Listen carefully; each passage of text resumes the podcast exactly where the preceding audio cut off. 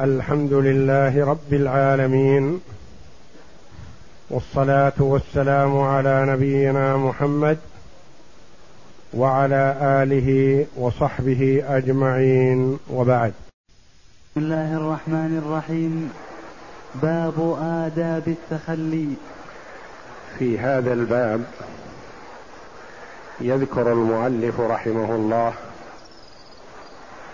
ماذا يجب وماذا يستحب وماذا يكره لمن أراد قضاء الحاجة. وهذا الباب وأمثاله من الأبواب تدل على كمال الشريعة الإسلامية وأنها لم تترك صغيرة ولا كبيرة من شؤون الدنيا أو الآخرة أو ما ينبغي التخلق به والتأدب فيه إلا بينته ووضحته بيانا شافيا كاملا. فلم تترك مسألة لصغرها ولا أخرى لكبرها إلا بينتها ووضحتها وماذا يجب أو يستحب أو يكره أو يحرم أو يباح نحوها. فقد ورد في سنة المصطفى صلى الله عليه وسلم بيان بيان كل شيء من شؤون الحياة سواء كان يتعلق بأمور الدنيا أو بأمور الآخرة. فهو عليه الصلاة والسلام لم يدع خيرا إلا وأرشدنا إليه وبينه لنا ولا شرا إلا وحذرنا منه صلوات الله وسلامه عليه. ولا شيئا يتعلق بأمور الطهارة أو النظافة أو الآداب أو الأخلاق إلا بين بيانا شافيا نعم. يستحب لمن أراد قضاء الحاجة أن يقول بسم الله لما روى علي قال قال رسول الله صلى الله عليه وسلم ستر ما بين ستر ما بين الجن وعورات بني آدم إذا دخل الخلاء أن يقول بسم الله رواه ابن ماجة والترمذي. ويقول اللهم إني أعوذ بك من الخبث والخبائث لما روى أنس أن النبي صلى الله عليه وسلم كان إذا دخل الخلاء قال ذلك متفق عليه. وإذا خرج يستحب لمن أراد قضاء الحاجة. يعني أراد ولم يبدأ بقضاء الحاجة.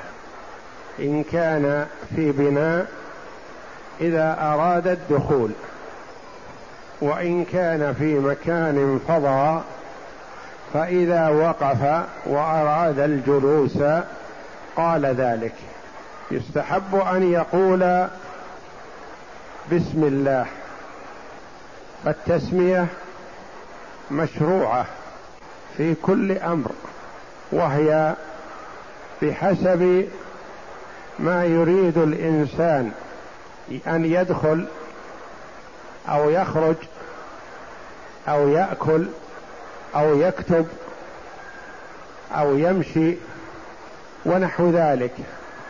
فهو يذكر اسم الله جل وعلا تبركا به وطلبا من الله جل وعلا أن يكون معه وموفقا له. يقول بسم الله وهذه الكلمة العظيمة لها معنى جليل وذلك أنها تستر المرء عمن لا يمكن أن يستتر منهم كالجن. أنت بإمكانك أن تستتر من بني آدم عند قضاء الحاجة لكن ليس بإمكانك أن تستتر من الجن أو الشياطين لأنهم كما قال الله جل وعلا يروننا من حيث لا نراهم. فنحن لا نراهم وهم يروننا. فكيف نستتر عنهم؟ نستتر ببسم الله. نقول بسم الله. لقوله صلى الله عليه وسلم ستر ما بين الجن وعورات بني آدم إذا دخل الخلاء أن يقول بسم الله. ثم يقول اللهم إني أعوذ بك من الخبث والخبائث. ويجوز أن يقول اللهم إني أعوذ بك من الخبث والخبائث. الخبث الشر والخبائث الشياطين. أو الخبث إناث الشياطين والخبائث. الخبث الشياطين والخبائث الخبث الشياطين والخبائث إناثهم. يعني يستعيذ بالله من ذكران الشياطين وإناثهم. وذلك أن النبي صلى الله عليه وسلم كان يقول ذلك. إذا دخل الخلاء يعني إذا أراد أن يدخل وإلا فإنه في حال قضاء الحاجة يسكت لا يقول شيئا. وإنما إذا أراد أن يدخل أو أراد أن يجلس لقضاء الحاجة إذا كان في فضاء فيقول اللهم إني أعوذ بك من الخبث والخبائث. نعم. وإذا خرج قال غفرانك الحمد لله الذي أذهب عني الأذى وعافاني. لما روت عائشة قالت كان رسول الله صلى الله عليه وسلم إذا خرج من الخلاء قال غفرانك رواه الخمسة إلا النسائي. وعن أنس. وعن أنس أن النبي صلى الله عليه وسلم كان إذا خرج من الخلاء قال الحمد لله الذي أذهب عني الأذى وعافاني رواه ابن ماجه. نعم. وإذا خرج قال غفرانك. يعني أسألك مغفرتك. والمناسبة في سؤاله المغفرة في هذه الحال اولا أن النبي صلى الله عليه وسلم كان يقول ذلك فنحن نقتدي به صلى الله عليه وسلم. ثم ما الحكمة من الإتيان بهذه اللفظة؟ قيل لأن المرء مأمور حال قضاء الحاجة الا يتكلم. فكأنه بسكوته مقصر عن ذكر الله جل وعلا وكان الاولى به أن يديم ذكر الله. فهو في حال قضاء الحاجة يسكت فيعترف بالتقصير في سكوته فيسأل الله المغفرة. وقيل لأمر آخر أن المرء حين يخرج منه الغائط والبول الفضلات التي بقاؤها في الجسم تضره يتذكر نعمة الله جل وعلا التي أنعم عليه بهذا الطعام الشهي الذي استفاد منه وأكله مشتهيا له ثم إن الله جل وعلا تفضل على عبده فأبقى في جسمه ما كان فيه نفع وفائدة وأخرج من جسمه ما كان فيه مضرة فهو في هذه الحال وحال التذكر كأنه يعترف بالتقصير في شكر نعمة الله جل وعلا فيسأل الله جل وعلا المغفرة لعدم قيامه بما ينبغي أن يصدر منه من شكر لله تعالى. ويقول الحمد لله الذي أذهب عني الأذى وعافاني لأن بقاء البول واحتباسه وبقاء الغائط واحتباسه في الجسم ضرر عظيم على البدن يضره ويهلكه. فالمرء يقول الحمد لله الذي أذهب عني الأذى.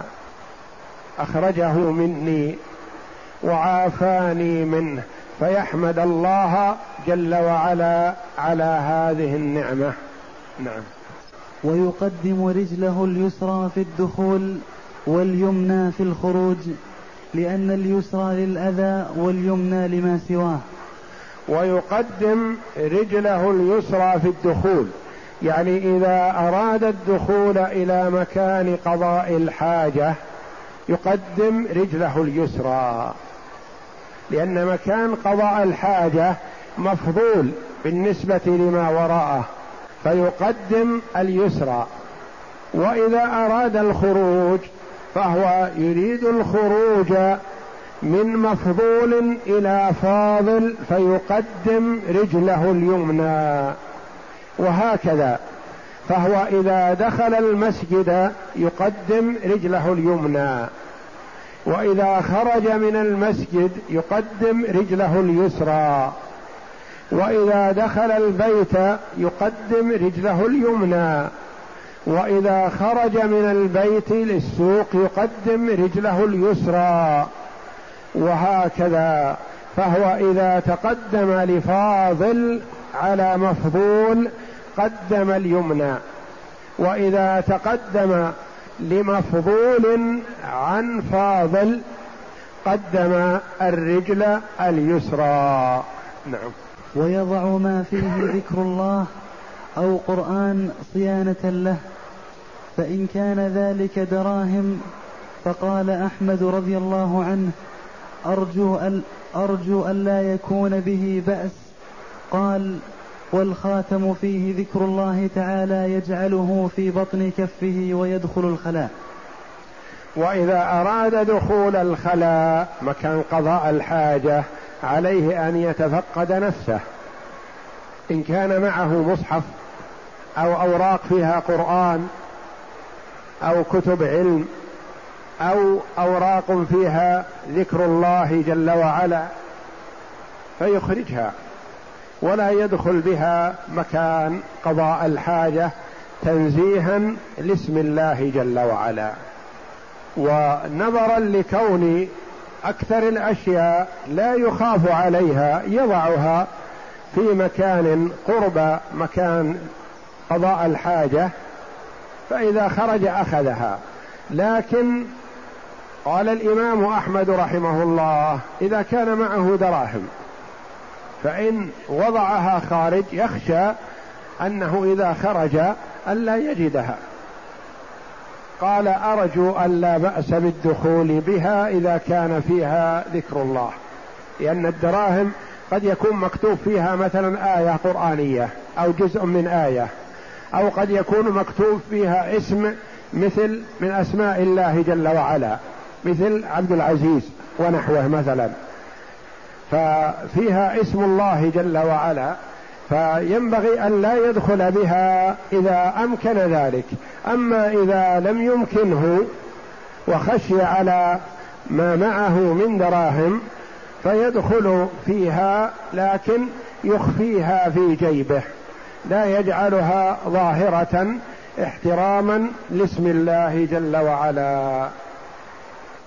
وإذا كان خاتمه كذلك إذا كان اسمه معبد لله جل وعلا ففي خاتمه اسم الله جل وعلا فيضع فص الخاتم الذي فيها الاسم في باطن كفه اليمنى ويقبض عليه حتى لا يكون بارزا اسم الله عند قضاء الحاجة. نعم. فصل وإن كان في الفضاء أبعد لما روى جابر قال كان النبي صلى الله عليه وسلم إذا أراد البراز انطلق حتى لا يراه أحد. نعم. وإن كان يقضي الحاجة في فضاء فيبعد أدبا واحتراما لمن حوله حتى لا يسمع منه صوتا ولا يشم منه رائحة خبيثة ولا يروه بأعينهم حال قضائه الحاجة فيبعد بعيدا. لأن هذا سنة النبي صلى الله عليه وسلم. كان إذا أراد قضاء الحاجة ذهب بعيدا عليه الصلاة والسلام. نعم. ويستتر عن العيون لما روى أبو هريرة رضي الله عنه أن النبي صلى الله عليه وسلم أنه قال من أتى الغائط فليستتر فإن لم يجد إلا أن يجمع كثيبا من رمل فليستدبره. نعم. ويستحب له أن يستتر عن العيون. إذا كان في فضاء ولم يكن في بيت معد لذلك يستتر يبعد. يستتر بحجر كبير مثلا بصخرة بشجرة بكثيب رمل بأي شيء يستره عن الآخرين. لما روى أبو هريرة رضي الله عنه أنه قال قال النبي صلى الله عليه وسلم من أتى الغائط؟ يعني مكان قضاء الحاجة. أصل الغائط المكان المنخفض. وكان من أراد قضاء الحاجة يذهب عادة إلى مكان منخفض ليقضي حاجته ولا يذهب إلى المكان العالي. فلذا سمي قضاء الحاجة الغائط وإلا فالأصل في اللغة الغائط المكان المنخفض. قال من أتى الغائط فليستتر يعني يستتر عن الناس. لا يراه من معه وهو يقضي حاجته. فإن لم يجد يعني ما وجد شيء يستتر به لا حصاة كبيرة ولا شجرة ولا كثيب رمل ولا غير ذلك يجمع إلا أن يجمع كثيبا من رمل فيستدبره يعني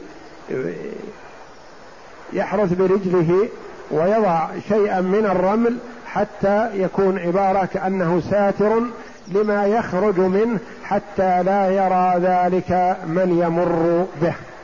يجعل هذا الكثير من الرمل خلفه خلفه ليستر دبره وليستر الخارج حتى لا يرى. نعم. ويرتاد لبوله مكانا رخوا لئلا يترشش عليه. ويرتاد يعني يختار. لبوله مكان الرخوة لأن المرأة إذا بال في أرض صلبة صار للبول رذاذ ورشاش ولوث قدميه وربما تطاير إلى فخذيه. فنجسه وقد ورد أن عامة عذاب القبر من عدم الاستبراء من البول. فيختار مكانا رخوا يعني ترب من أجل أن إذا بال يذهب البول في التراب ولا يكون له رشاش يرش على قدميه أو فخذيه أو عانته أو ما حول مكان الخارج. نعم. ولا يرفع ثوبه حتى يدنو من الأرض. لما روي عن النبي صلى الله عليه وسلم أنه كان إذا أراد حاجة لا يرفع ثوبه حتى يدنو من الأرض. أخرج هذه الأحاديث الثلاثه الثلاثة أبو داود. نعم. ولا يرفع ثوبه حتى يدنو من الأرض. ما ينبغي له أن يرفع ثوبه وهو واقف. فيراه الناس ويروا عورته. وإنما ينزل فإذا دنا من الأرض رفع ثوبه حتى لا ترى عورته. لأن هذا فعل النبي صلى الله عليه وسلم أن النبي صلى الله عليه وسلم إذا أراد حاجة لا يرفع ثوبه حتى يدنو من الأرض. نعم. ويبول قاعدا لأنه أستر له. وأبعد من أن يترشش عليه. ويستحب أن يبول قاعدا ولا يبول وهو قائم لأنه أستر. إذا بال وهو قاعد فهو أستر لا ترى عورته. و أنزه وأطهر بأن لا يصيبه رذاذ ورشاش البول. إلا من حاجة وضرورة كأن يكون لا يستطيع الجلوس أو المكان الذي يريد أن يبول فيه آه، لا يناسبه إلا القيام مثلا فلا حرج في هذا والحمد لله. ليس محرما ذلك وإنما حسب الموقع والمكان فإذا كان البول فيه قائما أبعد عن الوسخ والقدر ونحو ذلك فلا حرج لأنه ورد أن النبي صلى الله عليه وسلم أتى سبالة قوم فبال قائما عليه الصلاة والسلام. يعني كأنها مزبلة مجمع للقمامة والأوساخ فبال عليه الصلاة والسلام فيها قائما ولم يجلس. فدل هذا على الجواز عند الحاجة. نعم فصل ولا يجوز استقبال القبلة في الفضاء بغائط ولا بول. لما روى أبو أيوب قال قال رسول الله صلى الله عليه وسلم إذا أتيتم الغائط فلا تستقبلوا القبلة بغائط ولا بول ولا تستدبروها ولكن شرقوا أو غربوا. قال أبو أيوب فقدمنا الشام فوجدنا مراحيض قد بنيت نحو الكعبة فننحرف عنها ونستغفر الله متفق عليه. نعم وفيه. وفي استدبارها روايتان. إحداهما لا يجوز لهذا الحديث والأخرى يجوز لما روى, لما روى ابن عمر قال رقيت يوما على بيت حفصة فرأيت النبي صلى الله عليه وسلم جالسا على حاجته مستقبلا الشام مستدبرا الكعبة متفق عليه. وفي استدبارها في البنيان روايتان إحداهما لا يجوز لعموم النهي والثانية يجوز لما روى عراك عراك, عراك. بن مالك عن عائشة قالت ذكر ذكر عند النبي ذكر عند النبي صلى الله عليه وسلم أن قوما يكرهون استقبال القبلة بفروجهم فقال أو قد فعلوها؟ استقب استقبلوا بمقعدة استقبلوا بمقعدة استقبلوا بمقعدة القبلة. رواه الإمام أحمد وابن ماجه. قال أحمد أحسن حديث يروى في الرخصة حديث عراك. وإن كان مرسلا فإن مخرجه حسن. سماه مرسلا لأن عراكا لم يسمع من عائشة وعن مروان الأصخر أنه قال أناخ ابن عمر بعيره مستقبلا القبلة ثم جلس يبول إليه فقلت يا أبا عبد الرحمن أليس قد نهي عن, عن هذا؟ قال بلى. إنما نهي عن هذا في الفضاء أما إذا كان بينك وبين القبلة شيء, شيء يسترك فلا بأس. رواه أبو داود. قال ولا يجوز استقبال القبلة في الفضاء بغائط ولا بول. استقبال القبلة واستدبارها حال الغائط والبول في الفضاء وفي البنيان للعلماء رحمهم الله في ذلك ثلاثة أقوال. منهم من قال لا يجوز استقبال القبلة ولا استدبارها في غائط ولا بول سواء كان في الصحراء أو في البنيان. لحديث أبي أيوب رضي الله عنه. ومنهم من قال يجوز استقبال القبلة واستدبارها حال قضاء الحاجة في الغائط أو البول في البنيان وغيره. ومنهم من فصل فقال لا يجوز في الفضاء ويجوز في البنيان. لحديث ابن عمر الذي أناخ راحلته وجلس يقضي حاجته فقيل له أليس قد نهي عن هذا؟ قال نهي عن هذا إذا كان في الفضاء. أما إذا كان بينك وبين القبلة شيء يسترك فلا بأس. والأولى للإنسان أن يتحاشى استقبال القبلة في الغائط والبول في البنيان والصحراء إلا أنه في البنيان أخف.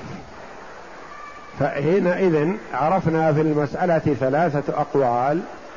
الجواز مطلقا وعدم الجواز مطلقا في البنيان والصحراء الاستقبال والاستدبار. والثالث الوسط الذين قالوا يجوز في البنيان لوجود الستر ولا يجوز في الصحراء لأنه مكشوف احتراما للقبلة. ويكره أن يستقبل الشمس والقمر تكريما لهما وأن يستقبل الريح لئلا ترد البول عليه. ويكره أن يستقبل الشمس والقمر قالوا احتراما لهما وإلا فلم يرد في ذلك نهي في حديث صحيح عن النبي صلى الله عليه وسلم. وأن يستقبل الريح يعني إذا كانت الريح مقبلة إليه لا يستقبلها حال قضاء الحاجة لئلا ترد عليه بولة. نعم. فصل ويكره أن يبول في شق أو ثقب لما روى عبد الله بن سر سرجس أن النبي صلى الله عليه وسلم نهى أن يبال في في الحجر في الحجر. في الجحر. في الجحر. رواه أبو داود. رواه أبو داود. نعم. ولأنه ولأنه لا يؤمن أن لا يأمن. ولأنه لا يأمن أن يكون مسكنا للجن أو يكون فيه دابة تلسعه ويكره البول في طريق أو أو ظل ينتفع به أو مورد ماء لما روى معاذ قال قال رسول الله صلى الله عليه وسلم اتقوا الملاعن الثلاث الملاعن الثلاث. اتقوا الملاعن الثلاث. البراز في الموارد وقارعة الطريق والظل. رواه أبو داود. نعم. ويكره أن يبول في شق أو ثقب أو جحر أو بيت دابة.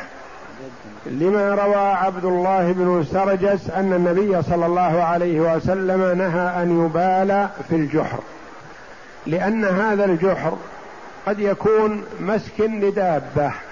فتخرج بسرعة فتؤذي المتبول وقد تلسعه وقد يصدر منها شيء يؤذيه وقد يكون مسك للجن فيلاطفونه ويؤذونه لأنه آذاهم تسلط عليهم. كذلك يكره البول في طريق لأن الطريق لمصلحة المسلمين عامة. فالبول فيه والتغوط فيه يؤذيهم. وكذلك الظل الظل النافع مثلا كظل جدار أو ظل شجرة يستظل به الناس. فلا يجوز للمرء أن يبول أو يتغوط فيه. وكذلك عند مكان مورد الماء لأنه يقذر الماء وينجس ما حوله. فمن الآداب الإسلامية أن يبعد الإنسان في مكان بوله أو قائطه إذا كان في الفضاء. وإذا كان في البنيان فليكن في, في محل خاص لذلك حتى لا يحصل به أذى. وقد قال النبي صلى الله عليه وسلم اتقوا الملاعن الثلاث. يعني هذه البراز في الموارد وقارعة الطريق والظل لأن هذا يسبب اللعن. المرء إذا جاء للظل ليقعد فيه مثلا وجد فيه براز غائط وجد فيه بول. ربما لعن فاعل ذلك. فالمتبول والمتغوط في هذا المكان تسبب للعن نفسه. فليحذر المرء ذلك. نعم. ويكره البول في موضع تسقط فيه الثمر لئلا تتنجس به. والبول. كذلك من المواطن التي يكره البول فيها تحت شجرة مثمرة كنخلة أو تين أو عنب أو غير ذلك من الأشجار المثمرة لأنها ربما سقطت الثمرة على البول أو على الغائط فيتنج فتتنجس الثمرة مغفل. قال نهى رسول الله صلى الله عليه وسلم أن يبول الرجل في مغسلته مغتسله. في مغتسله. رواه ابن ماجه. قال أحمد إن صب عليه الماء فجرى في, البل في, في البلوعة فذهب فلا بأس. ويكره البول في موضع الاغتسال. موضع الاغتسال لا يخلو. إن كان الماء يذهب منه بسرعة أو إذا صب عليه شيء من الماء ذهب بسرعة فلا بأس بذلك كما قال الإمام أحمد رحمه الله. وأما إذا كان الماء يركض في المغتسل أو كأن يكون فيه حصى أو تراب أو نحو ذلك يمسك شيء من أثر البول فيكره أن يبول في ذلك لئلا ينجس الموقع فتتطاير النجاسة على جسمه. نعم. فصل يكره أن يتكلم على البول أو يسلم أو يذكر الله تعالى بلسانه لأن النبي صلى الله عليه وسلم سلم عليه رجل وهو يبول فلم يرد عليه حتى توضأ ثم قال كرهت أن أذكر الله إلا على طهر. رواه أبو داود والنسائي وابن ماجه. ويكره ويكره أن يتكلم على البول أو يسلم أو يذكر الله تعالى أو يرد السلام. إذا كان جالس في حال قضاء الحاجة فلا يتخاطب مع من حوله لأن هذا شيء يستحيا منه ويستقذر كذلك لا يسلم على من يمر بحوله ولا يرد السلام على من يسلم عليه. لأنه إذا سلم أو رد السلام يذكر الله جل وعلا فينزه ذكر الله عن أن يذكره في هذه الحال. والدليل على ذلك أنه مر رجل بالنبي صلى الله عليه وسلم وهو يبول فسلم عليه. كأن الرجل لم يعلم أن النبي صلى الله عليه وسلم يقضي حاجته فلم يرد عليه صلى الله عليه وسلم حتى انتهى من بوله وتوضأ. وفي حديث آخر أنه تيمم على الجدار ثم رد السلام بعد ذلك. فدل هذا على أن تأخير الرد لحاجة لا بأس بذلك.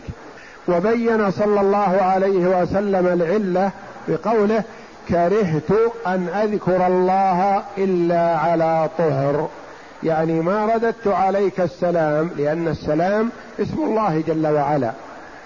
ما رددت عليك السلام حال قضاء الحاجة ولا وأنا ناقض للوضوء فانتظرت حتى توضأت.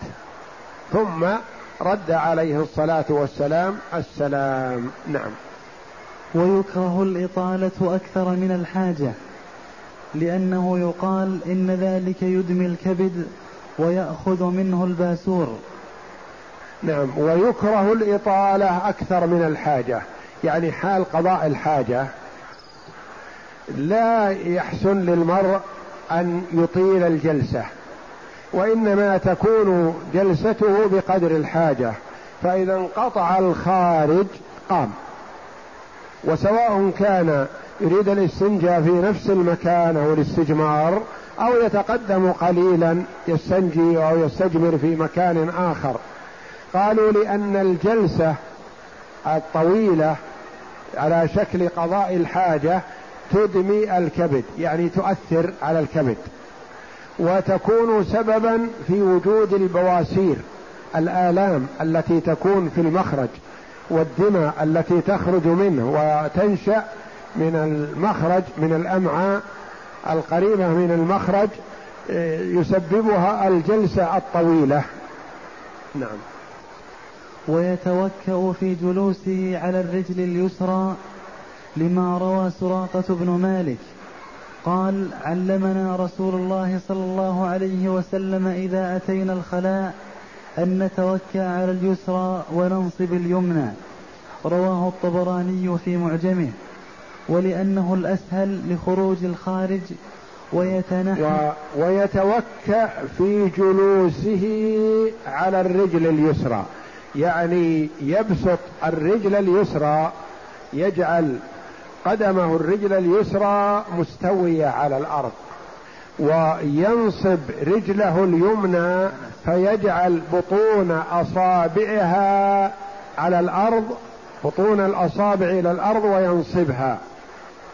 هذه الحال اولا أنها سنة لفعل النبي صلى الله عليه وسلم وتعليمه كما قال سراقة بن مالك رضي الله عنه أن النبي صلى الله عليه وسلم علمنا إذا أتينا الخلاء أن نتوكأ على اليسرى يكون ثقل المرء على اليسرى وينصب اليمنى. أولا فيه الاتكاء في هذه الحال على اليسرى واحترام اليمنى برفعها وعدم الاتكاء عليها. ثانيا قالوا إنه أيسر لخروج الخارج. إذا تمايل الرجل على جهته اليسرى أيسر لخروج الخارج. لأنه كأنه إذا نصب اليمنى وبسط اليسرى يكون ميلانه إلى جهة اليسار في هذه الحال فيكون أيسر لخروج الغائط في هذه الحال. نعم. ويتنحنح ليخرج ما تم ثم يسلت من أصل من أصل ذكره فيما بين المخرجين. ثم ين ثم ينتزع ينثره. ثم ينثره برفق ثلاثا فإذا أراد نعم. الاستن ويتنحنح ليخرج ما ثم. يعني يظهر من نفسه حركة وشيء لأجل المتهيئ للخروج من بول أو غائط يخرج. من أجل أن يتنظف منه فلا يخرج منه شيء بعد الاستنجاء أو الاستجمار. ثم يسلت من أصل ذكره فيما بين المخرجين يعني ما بين مخرج البول ومخرج الغائط يعني يمر بيده من حلقة دبره حتى يصل إلى رأس الذكر من أجل أن يخرج ما كان متهيئ للخروج. وهذا العمل استحسنه بعض الفقهاء رحمهم الله وذكر في عدد من كتب الفقه إلا أن بعض الأطباء نهى عن ذلك قال إن هذا قد يسبب سلس البول يسبب من كثرة ما يدلكه أو يمسحه أو يسلته قد يسترخي العضو فيسبب ذلك سلس البول. والمرء أدرى بحاله وبنفسه. إن كان يرى أنه يستفيد من هذا السلت بحيث أنه يخرج ما كان متهيئ للخروج فيفعل ذلك. وإن كان لا يخرج شيء منه فلا يفعل هذا. لأن على المرء أن يفعل الشيء الذي يظن أنه ينظفه من البول ويخرج منه ما كان متهيئا للخروج. نعم. فإذا أراد الاستنجاء تحول من موضعه لئلا يرش على نفسه. فإذا أراد الاستنجاء يعني قضى حاجته في مكان فخرج منه البول والغائط تحته. فإذا استنجى في هذا الموقع وكان في الأرض مثلا الخارج منه ربما سال عليه وتأثر منه فيحسن أن يخطو قليلا ليستنجي في مكان آخر. أما إذا كان في مثل دورات المياه التي ينزل فيها الخارج ويذهب بعيدا فيستنجي في مكانه ولا بأس. نعم. فصل والاستنجاء واجب من كل خارج من السبيل معتادا أو كان أو نادرا. لأن النبي صلى الله عليه وسلم قال في المذي يغسل ذكره ويتوضأ. وقال إذا ذهب أحدكم إلى الغائط فليذهب معه بثلاثة أحجار فإنها تجزئ عنه. رواه أبو داود عن ابن أبي أوفى عن النبي صلى الله عليه وسلم ولأن المعتاد نجاسة لا مشقة في إزالتها فلم تصح الصلاة معها كالكثير والنادر لا يخلو من رطوبة تصحبه غالبا. نعم. والاستنجاء واجب. ما حكم الاستنجاء؟ المرء قضى حاجته وانتهى. ماذا عليه لإزالة أثر النجاسة. قال رحمه الله والإستنجاء واجب من كل خارج من السبيل معتادا كان أو نادرا. يعني خرج من السبيل بول خرج منه غائط هذا المعتاد. يجب عليه أن يستنجي. خرج منه شيء غير معتاد مثلا خرج منه مذي تحركت شهوته فخرج من ذكره مذي. خرج من دبره مثلا حصاة أو حديدة أو دبوس أو شيء من هذا بلعه فخرج.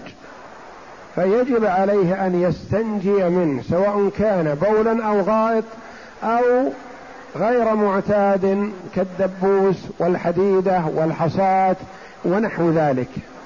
لأن هذه الأشياء لا تخلو من رطوبة.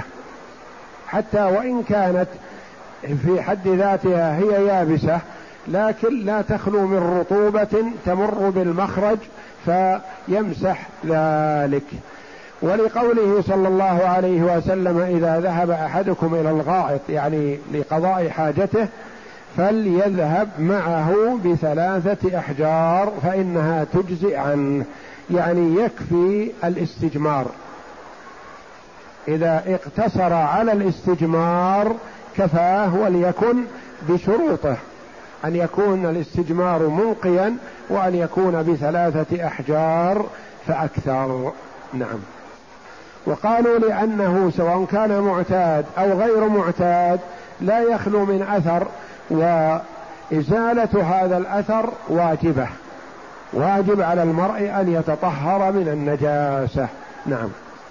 ولا يجب من الريح لأنها ليست نجسة ولا يصحبها نجاسة وقد روي من استنجى من الريح فليس منا. رواه الطبراني في المعجم الصغير. ولا يجب الاستنجاء من الريح لأنه قال والاستنجاء واجب من كل خارج. فقد يتوهم متوهم أن الريح من نوع الخارج فيجب منها الاستنجاء. قال لا ولا يجب الاستنجاء من الريح لأنها ليست نجسة هواء فلا يستنجي وإنما يجب عليه الوضوء. فمثلا إنسان متوضأ خرج منه ريح فأراد أن يصلي. هل يجوز أن يصلي بعد خروج الريح؟ لا. لأن الريح ناقضة للوضوء. هل يجب عليه أن يغسل مكان الخارج الدبر؟ لا لا يجب عليه وإنما يتوضأ بغسل أعضاء الوضوء وهي المضمضة والاستنشاق وغسل الوجه وغسل اليدين إلى المرفقين ومسح الرأس ومنه الأذنان وغسل الرجلين إلى الكعبين. هذا الذي يجب عليه عند خروج الريح ولا يستنجي. وهذا الحديث الذي أورده المؤلف رحمه الله قال علماء الحديث هذا لا يصح ولا يثبت. هذا ليس بصحيح فلا يعتمد عليه. قول من استنجى من الريح فليس منا. يعني أن المرء إذا خشي أن يكون مع الريح شيء أحس بغلظ شيء أو خارج مع الريح فيستنجي احتياطا للطهارة لئلا يكون خرج مع ريحه شيء وهو لا يدري عنه. نعم. فصل وإن تعدت النجاسة المخرج بما لم ت...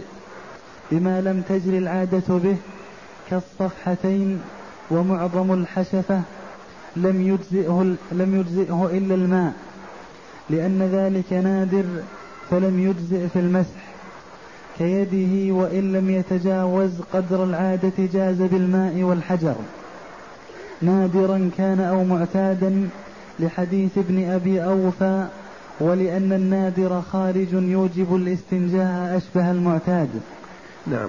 وإن تعدت النجاسة المخرج بما لم تجر العادة به. الإنسان أحيانا يقضي حاجته فيكون أثر النجاسة في حلقة الدبر فقط. ويكون النجاسة في مخرج البول من الذكر أو فرج المرأة فقط. ما تتجاوز. وأحيانا يشعر بأن الغائط تجاوز حلقة الدبر إلى الصفحتين صفحة اليمنى وصفحة اليسرى العليتين وبينهما المخرج. أحيانا يشعر أن النجاسة تجاوزت مكان الخارج. فأصابت اليمين أو الشمال أو الأمام أو الخلف مثلا. في هذه الحال لا يكفي فيها الاستجمار. قلنا إذا كان الخارج على كالمعتاد ما تجاوز العادة فيكفي فيه الاستجمار فقط بالحجارة حتى لو كان الماء عنده كثير. ويكفي فيه الاستنجاء بالماء. ولو جمعهما فهو حسن. استجمر بالحجارة واستنجى بالماء. هذا له الخيار إذا كان الخارج لم يتجاوز المعتاد. أما إذا كان الخارج تجاوز المعتاد تجاوز إلى الصفحة اليمنى والصفحة اليسرى مثلا أو ترطب أكثر الحشفة في الذكر أو تجاوز البول فرج المرأة المعتاد فلا يكفي فيه الاستجمار بل يتعين عليه الغسل بالماء وهذا هو المسمى بالاستنجاء. فالاستجمار يكفي إذا لم يتجاوز الخارج المعتاد. فإن تجاوز المعتاد وجب عليه الغسل. نعم. قال كيده. مثل لو أصابت النجاسة يده مثلا. هل يكفي أن يمسح يده بالحصاة؟ كالاستجمار لا. النجاسة في اليد أو في الرجل أو في الفخذ لازم أن تغسل. ما يكفي فيها. لكن هذا من التسهيل والتيسير من الله جل وعلا لعباده بأنه يكفي في الخارج المعتاد الذي لم يتجاوز المسح. نعم. والأفضل الجمع بين الماء والحجر يبدأ بالحجر لأن عائشة قالت مرن أزواجكن أن يتبعوا الحجارة الماء من أثر الغائط والبول فإني أستحييهم فإن النبي صلى الله فإن النبي صلى الله عليه وسلم كان يفعله. حديث صحيح. نعم. ولأنه ولأنه أبلغ في ال في ال في الإنقاء وأنظف ولأن الحجر يزيل عين النجاسة فلا تباشرها يده فإن اقتصر على أحدهما جاز والماء أفضل.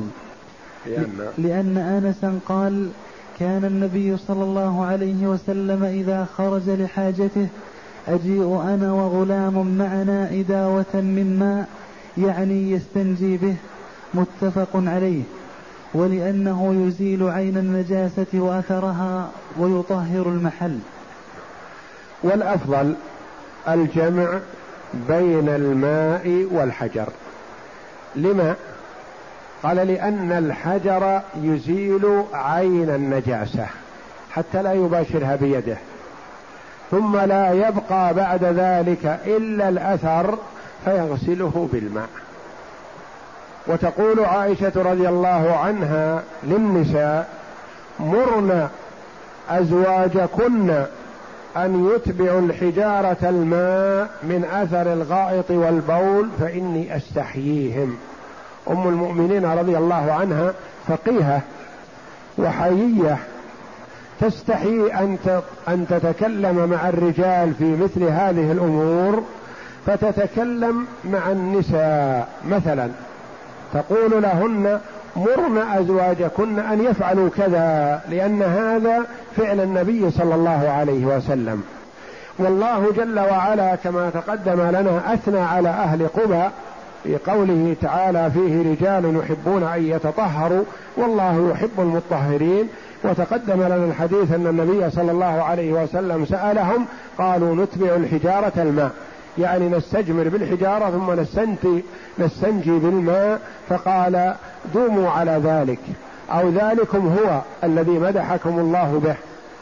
فكون الإنسان يجمع بين الاثنين أحسن. ويكفي عن الحجارة مثلا المنديل ونحوه لأن المنديل يزيل عين النجاسة ثم لا يبقى فيها عين وإنما يبقى الأثر فقط فيغسله. بالماء.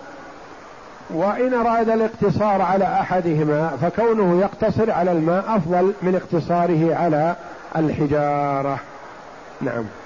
وإن اقتصر على الحجر على الحجر أجزأ بشرطين أحدهما. الإنقاء وهو وهو ألا يبقى إلا أثر يزيله. وهو أي ألا يبقى إلا أثر لا يزيله إلا الماء. وهو ألا يبقى أثر إلا أثر يزيله الماء إلا الماء بحيث يخرج الآخر نقيا.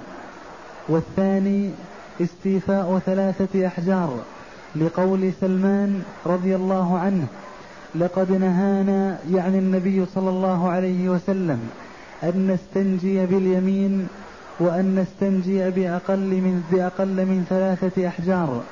وأن نستنجي برجيع أو عظم رواه مسلم. نعم. إذا أراد الاقتصار على الحجر فيشترط للاقتصار على الحجارة شرطان لا بد منهما. أولا الإنقاء. يعني ما يكفي أن يزيل الحجر بعض الشيء من الدبر ويبقى بعض النجاسة. بل لا بد أن يزيل العين يعني عين النجاسة. ما يبقى إلا أثر لا يزيله إلا الماء. والثاني أن يكون بثلاثة أحجار فأكثر. يعني لا يكفي الاستجمار بحجرين بل لا بد أن يكون يعني ثلاث مسحات فأكثر. ثلاث مسحات فأكثر. ولو أن الحجر ذا شعب مثلا. يكفي حجر واحد لصار مثلا ذا شعب ثلاث أو أربع أو خمس ومسح بكل جهة منه مسحة كفاه ذلك. لقول سلمان رضي الله عنه لقد نهانا يعني النبي صلى الله عليه وسلم أن نستنجي باليمين ننزه اليد اليمنى عن الاستنجاء بها وأن نستنجي بأقل من ثلاثة أحجار. وأن نستنجي برجيع أو عظم. نهينا أن نستنجع أن نستنجي بالرجيع وهو رجيع الدابة يعني الدمن والروث روث الإبل والبقر وكذلك الاستنجاء بالعظم.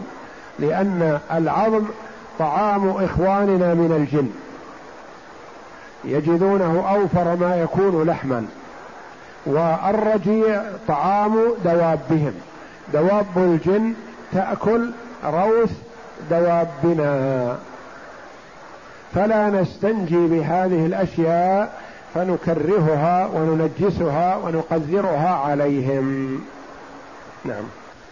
وإن كان الحجر كبيرا فمسح بجوانبه ثلاث مسحات أجزأه.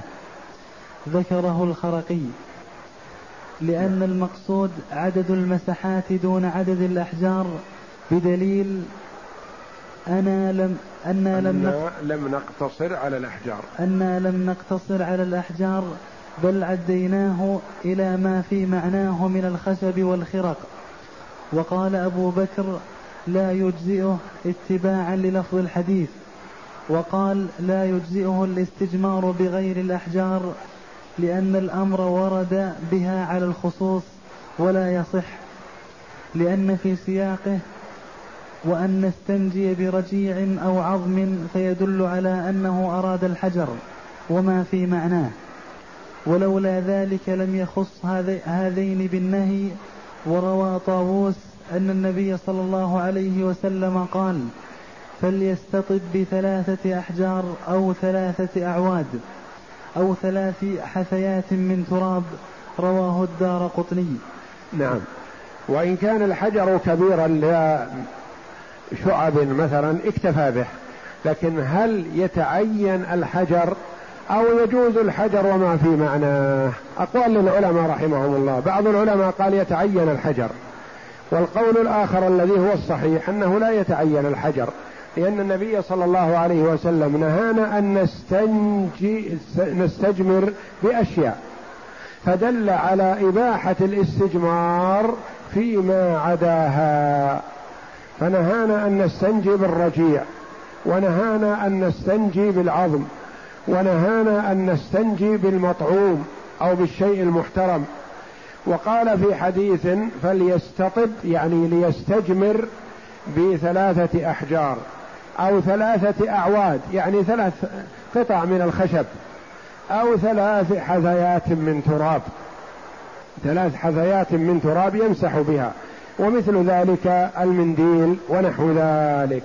والله أعلم. وصلى الله وسلم وبارك على عبد ورسول نبينا محمد وعلى آله وصحبه أجمعين.